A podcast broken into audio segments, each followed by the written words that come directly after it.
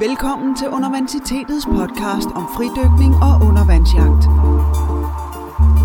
I studiet er fridykker og undervandsjæger Morten Rosenvold Villassen, forfatter til Hold Været, en bog om fridykning, og Johan Nielsen, Danmarksmester og nordisk mester i undervandsjagt og konsulent i fiskeri og akvakultur i firmaet Aquamarin. God fornøjelse. Hej og velkommen til Universitetets podcast. Vi øh, sidder her igen, Johan Nielsen og Morten Rosenvold Villersen, og er øh, i gang i dag, og vi skal have om et rigtig spændende tema, nemlig at rejse med harpun, altså at tage på undervandsjagt og rejser. Det er noget, vi har gjort meget og glæder os til at snakke om og øh, dele ud af vores erfaringer.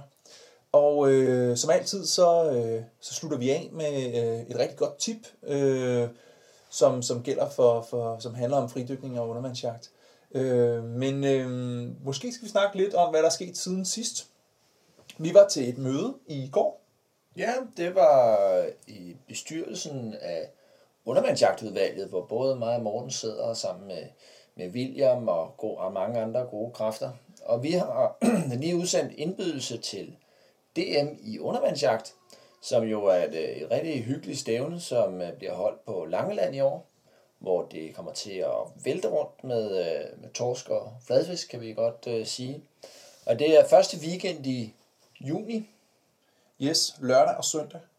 Og vi skal dykke ved de to gode spots, der hedder Lytteposten, øh, som vi nævnte i sidste episode, og så Hjortholm, som øh, ligger umiddelbart nord for Lytteposten. Øh, men, øh, men det er, ligger på sydkysten af Langeland, og det er nogle klassisk gode steder. Det er mekkaet for torskefiskeri. Og det er jo, man skal jo også deltage, selvom man ikke nødvendigvis regner med at vinde, fordi det er jo også et meget socialt stævne, og man kan møde øh, både mig og Morten, og øh, man kan møde mange andre søde og rare mennesker, og få sig et netværk, og, og også lære en, øh, en masse fif. Og man kan se, hvordan man melder sig til inde på sportsdykning.dk. Ja, øh, og der har undervandsjagt udvalget nogle sider, der hedder uvjagt.sportsdykning.dk. Øh, og der har vi øh, nogle sider for DM, og der står kontonummer og tilmelding, og hvordan det hele foregår der. Øh, måske skal vi... Hvordan var det, der var DM sidst på Langeland, ikke? Nej, jeg kan ikke huske. Nej, vi har haft noget udtalelse. Det rigtige ja. Udtalelse. Kan du, kan du fortælle lidt måske, hvordan det gik for dig der, Johan? Ja, men øh, jeg tror... Øh, øh, nej, jeg, nej, jeg blev nummer to. Nå, men jeg tænkte mere på Det fiskeriet. var og... meget øh, uvandt. Jamen, jeg Det tænkte, er arrogant sagt, men det var rigtig godt fiskeri. Det, øh, der var torsk over det hele. hvad dybder lå du på? kan vi jo sige. Jamen, jeg lå inden for en 3-4 meter, og så ud til 14 meter. Og jeg fandt øh, rigtig mange torsk på 5-6 meter på sådan nogle øh, stenrygge, som er øh, både på, på Lytteposten og på Hjortholm. Og øh, ja, det er jo et dejligt område, fordi det er så stort, man kan bare blive ved med at svømme og, og opdage nye steder. Og, Hvor, hvor mange torsk fangede du? øh, jeg tror, jeg fangede mm, 10-12 stykker begge dage. Ja. Jamen, det er jo super. Jeg, og jeg havde også en, en lignende god oplevelse på, på både Lytteposten og Hjortholm med, med netop rigtig mange øh, torsk. Jeg blev så lidt mere isoleret på de der 5-6 meters dybde, hvor jeg fandt ud af, at der var rigtig godt torskefiskeri. Og jeg kan heller ikke helt huske, hvad jeg placerede mig som, men det, det var i hvert fald godt, godt torskefiskeri, og jeg fik også et hederligt resultat ud af det. Og det synes jeg generelt, det er med, med Langeland. Det er jo ikke sådan, at man bare går ud, og så finder man torsk. Men øh, hvis man er erfaren undervandsjæger, øh, og i virkeligheden, hvis man dykker mange gange nok, så finder man torsk. Ja, der er mange. Der er mange. Ja, det er et rigtig godt sted. Så øh, DM i undervandsjagt, 6. 7. juni tror jeg det er, i hvert fald første weekend i juni. Og sådan er det altså altid hver eneste år. Det er første weekend i juni, og i år er det altså på Langeland. Og øh, alle er velkomne. Ja, Øh, der er ingen fine fornemmelser, og folk hjælper hinanden. Det er et rart sted, øh, og vi bor sammen på en, en lejerskole, og øh, ja, vi kan kun anbefale det. Øhm, så er det også øh, lige nu, at der er DM i fridykning, og det kommer til at foregå i Bellerhøj Svømmestadion og er arrangeret af Københavns Fridykkerklub. Øhm, og det er DM i fridykning i pool, det vil sige, det er tre discipliner. Det er tid, det vil sige, hvem der holder vejret længst tid, det hedder statisk. Så er det dynamisk uden finder, det er altså dem, der svømmer længst frem og tilbage i en svømmehal uden svømmefødder på, og svømmer man med brystsvømning. Og så er det dynamisk med finder, hvor folk typisk bruger monofinden, og det handler altså også om at svømme så langt som muligt frem og tilbage. Øhm, jeg skal ikke selv være med i år. Sidste år var jeg med som det, man kalder starter eller prøvekanin, og så var jeg ellers speaker. Øh, men øh, jeg, jeg er på ferie med familien i år den weekend, så det kunne desværre ikke blive til det.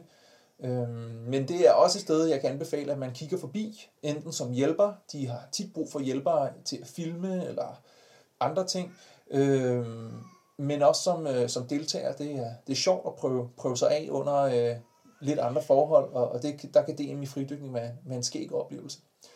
Øh, og først og fremmest er det en mulighed for at møde en masse andre, som også synes, at det med at dykke og holde vejret er super fedt. Ja, vi skal videre til dagens tema. Mm. Og det handler om at rejse med undervandsjagt. Øhm, og det er jo et kæmpe øh, tema, og vi kan ikke nå omkring alle de steder, vi har været. Øh, både Johanna og jeg har prioriteret at rejse rigtig meget øh, de seneste 10-15 år øh, i forbindelse med undervandsjagt. Og, øh, og vi, vi, vi, vi kan bare give en masse fif videre, og så må alle de der specifikke steder, det må, det må vi uddybe en anden gang. Vi kan lige komme kort omkring det. Men det første er selvfølgelig, hvor skal man rejse hen? Ja, nu skal vi lige have, nu skal vi lige have dagens øh, spørgsmål. Og vi har ikke fået dagens spørgsmål. Og, øh, og men øh, vi opfordrer lytterne til at sende øh, spørgsmål ind, øh, sådan så ikke vi selv skal sidde og finde på dem.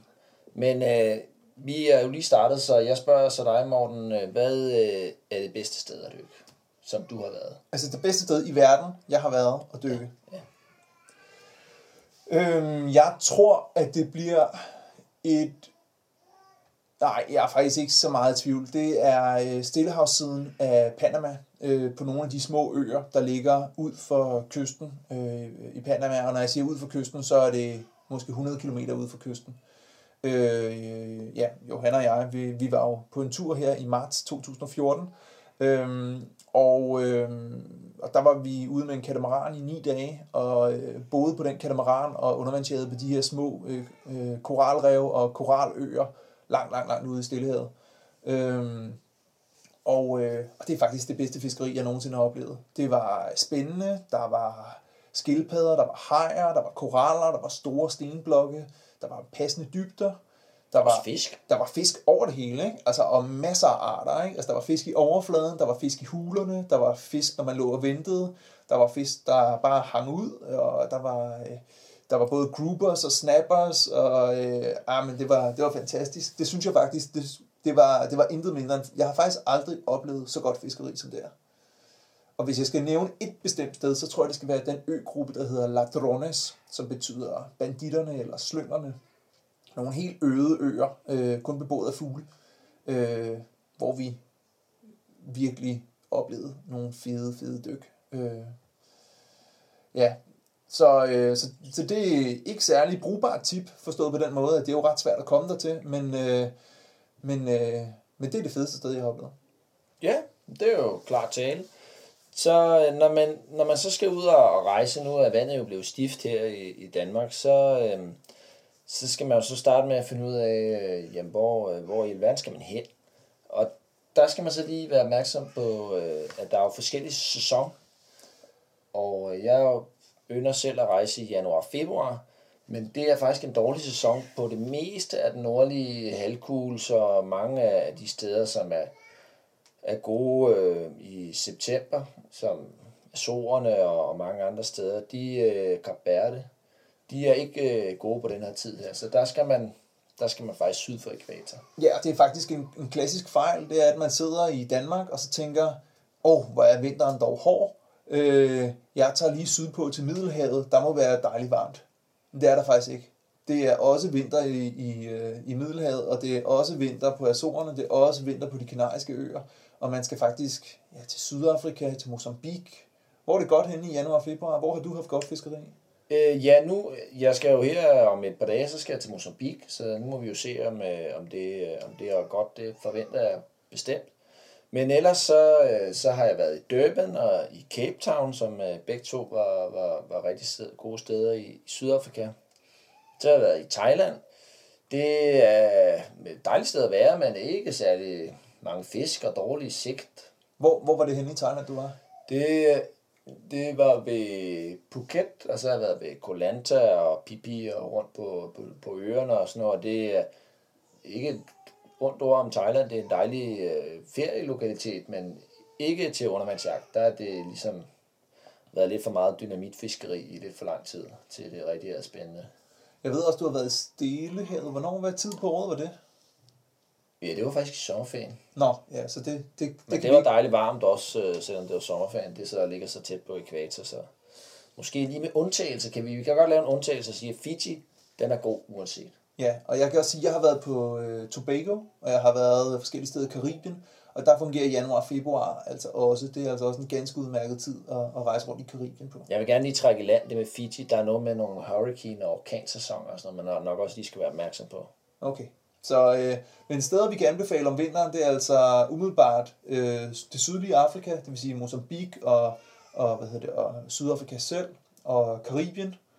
Jeg vil også tro, at... Øh, Jeg tror også, der er mange gode steder i Asien. Man skal bare Ja. ja. ligesom vælge nogle af de steder, hvor der ikke er alt for overfiske. Jeg kunne godt forestille, eller jeg ved, at der er nogle rigtig gode steder i, øh, i Indonesien og sådan nogle steder. Bali og Filippinerne er sikkert også ganske udmærket øh, i den Og så Stillehavet jo. Det er Ja. ja. jo også undervandsjagtens vugge der, hvor det ligesom startede, og der, og der har de også en passende attitude over for undervandsjæger, hvor man ligesom, øh, det, altså det er større end øh, fodbold er i Danmark, ikke? så der, der bliver man ligesom, det kan man ligesom Altså, du tænker som sport og aktivitet, er, er det mere udbredt end fodbold i Danmark? Ja, det er det, og ikke kun som sport, vel, det er jo også bare sådan for, for noget at spise, altså, men det er ligesom, det er virkelig, virkelig udbredt. Ja, så kan vi jo også nævne, det er selvfølgelig lidt langt væk, men New Zealand, altså januar og februar er jo øh, sensommer og sommer i New Zealand, og det er også et rigtig godt sted undervandsjage. Jeg har ikke selv været der, men øh, vi har nogle venner, der har undervandsjaget i, i New Zealand. Øhm, så, så det er lidt omkring, hvor man kan tage hen. Øhm, lige som en, en dark horse, så vil jeg også lige skyde ind, at Norge faktisk har et ret godt øh, vinterfiskeri. Det er iskoldt, men det er faktisk ikke lige så koldt som i Danmark. Altså vandet er faktisk varmere øh, i, i Norge. Det er en 6-7 grader om vinteren. Øh, så, så der, Ja, det er fandme pissekoldt og mørkt. jo, jo, jo, klart. Men øh, jeg, jeg kan bare se, at de, nogle af undervandsjægerne i Christiansund, de bliver altså ved med at hive store fisk op, og, og, og det gør de altså også om vinteren. Det kan du altså ikke gøre i Danmark. Nej, det, nej, det kan, nej, jeg, jeg kommenterer ikke mere på det, men når nu man, man så faktisk, øh, som Morten jo sagde, de lokale i Christiansund, de, øh, de bliver ved med at hive øh, fisk op, og det er jo ikke nødvendigvis fordi, at man skal tage sig over og dykke øh, om vinteren, det er jo også lige så meget fordi, at de er lokale. Og lokale, de øh, fanger altid flere fisk, fordi de ved, hvor fisken er. Og øh, det kender man jo fra Danmark. Hvis man hopper i et fuldstændig tilfældigt sted, så er chancen for, at man hopper i et godt sted, ikke specielt stor. Så man skal, det bedste er at finde nogle lokale. Og det kan jo godt være lidt vanskeligt, hvis det for eksempel er i New Zealand, og man sidder hjemme i Farum og skal, skal finde nogle lokale.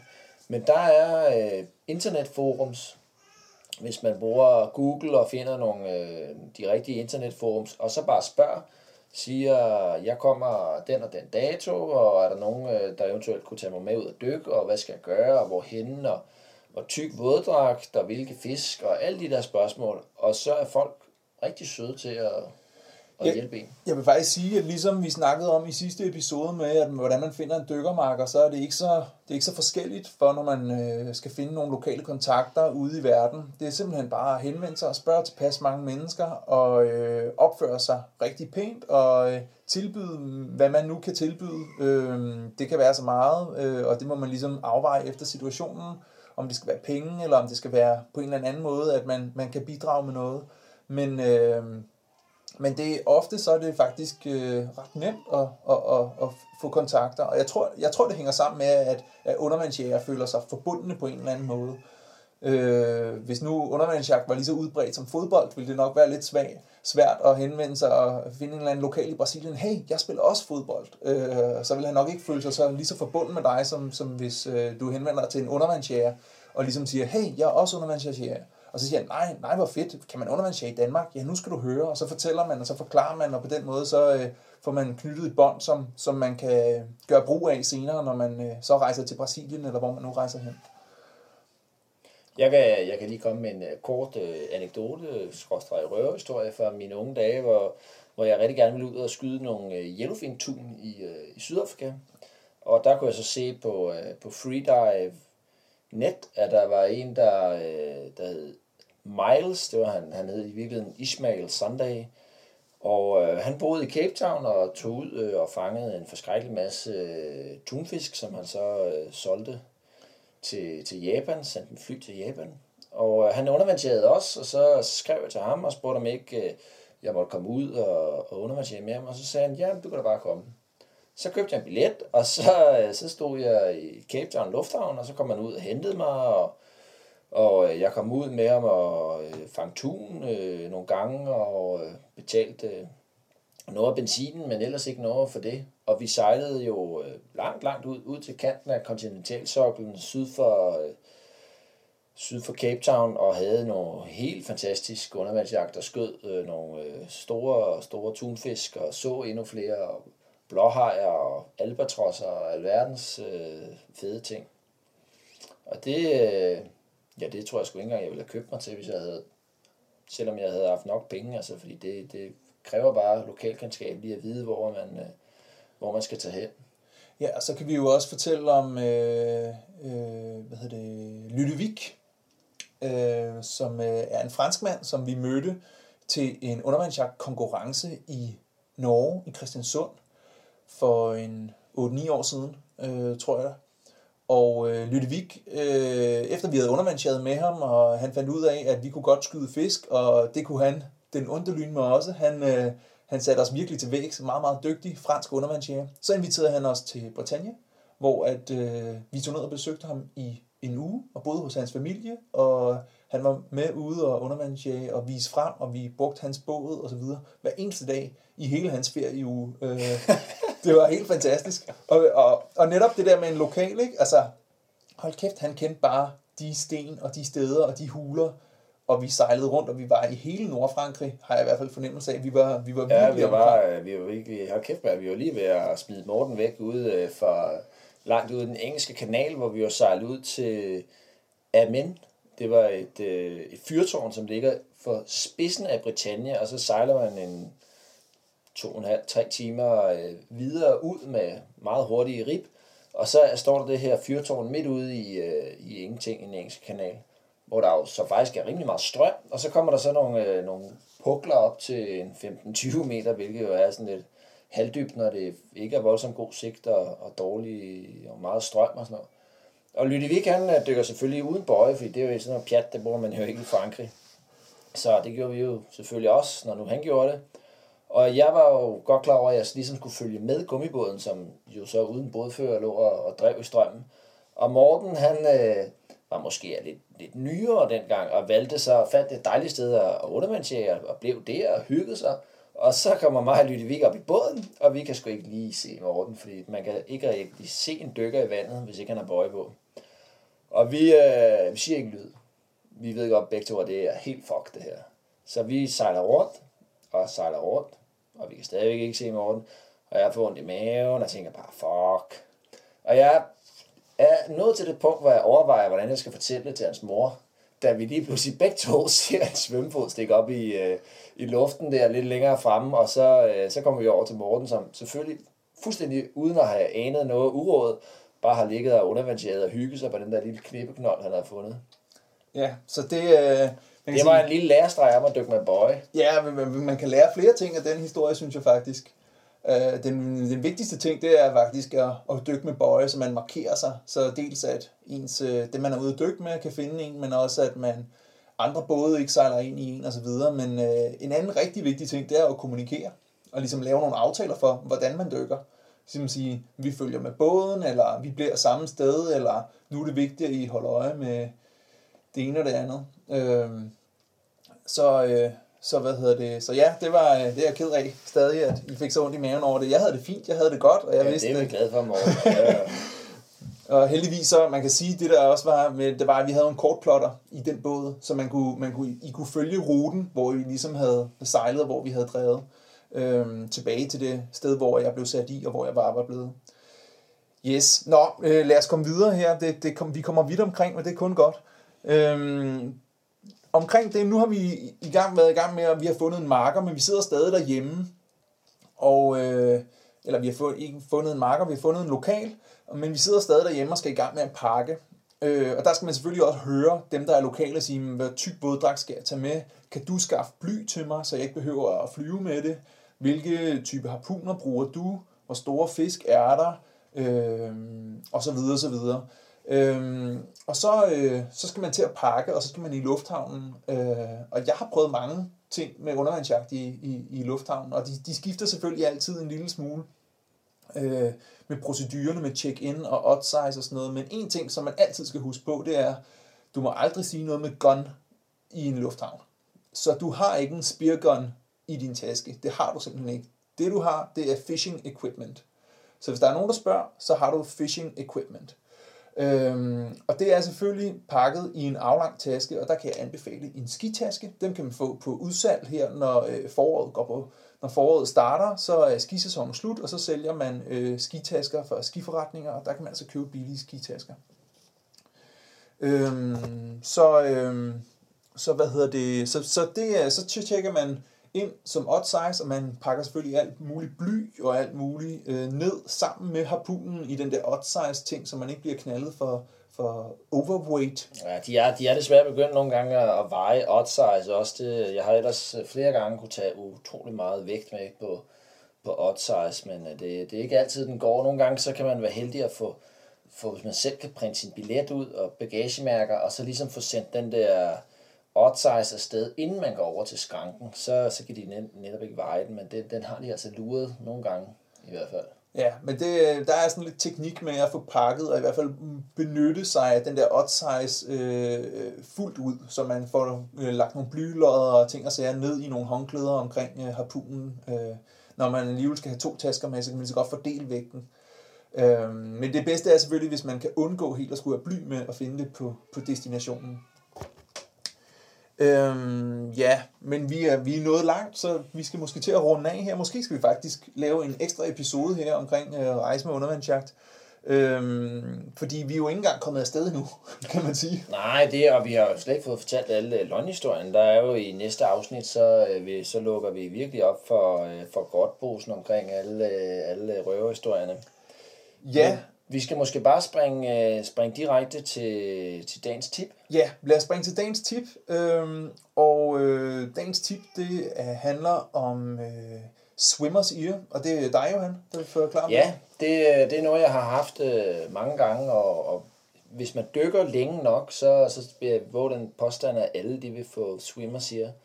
Og det er meget smertefuldt, og øh, det kan fuldstændig ødelægge en dykkertur, så hvis man har givet øh, en formue for at komme til et eksotisk sted, og så, øh, så kan man slet ikke dykke, fordi man har fået ondt i ørerne. Og det skyldes simpelthen, at saltvand det har en, en højere pH end, end huden, og alt det her saltvand, der kommer ind og ud af øret, det øh, ligesom forstyrrer den naturlige pH, fjerner det ørevoks, som normalt øh, beskytter det, det ydre øre, og så kommer der en infektion.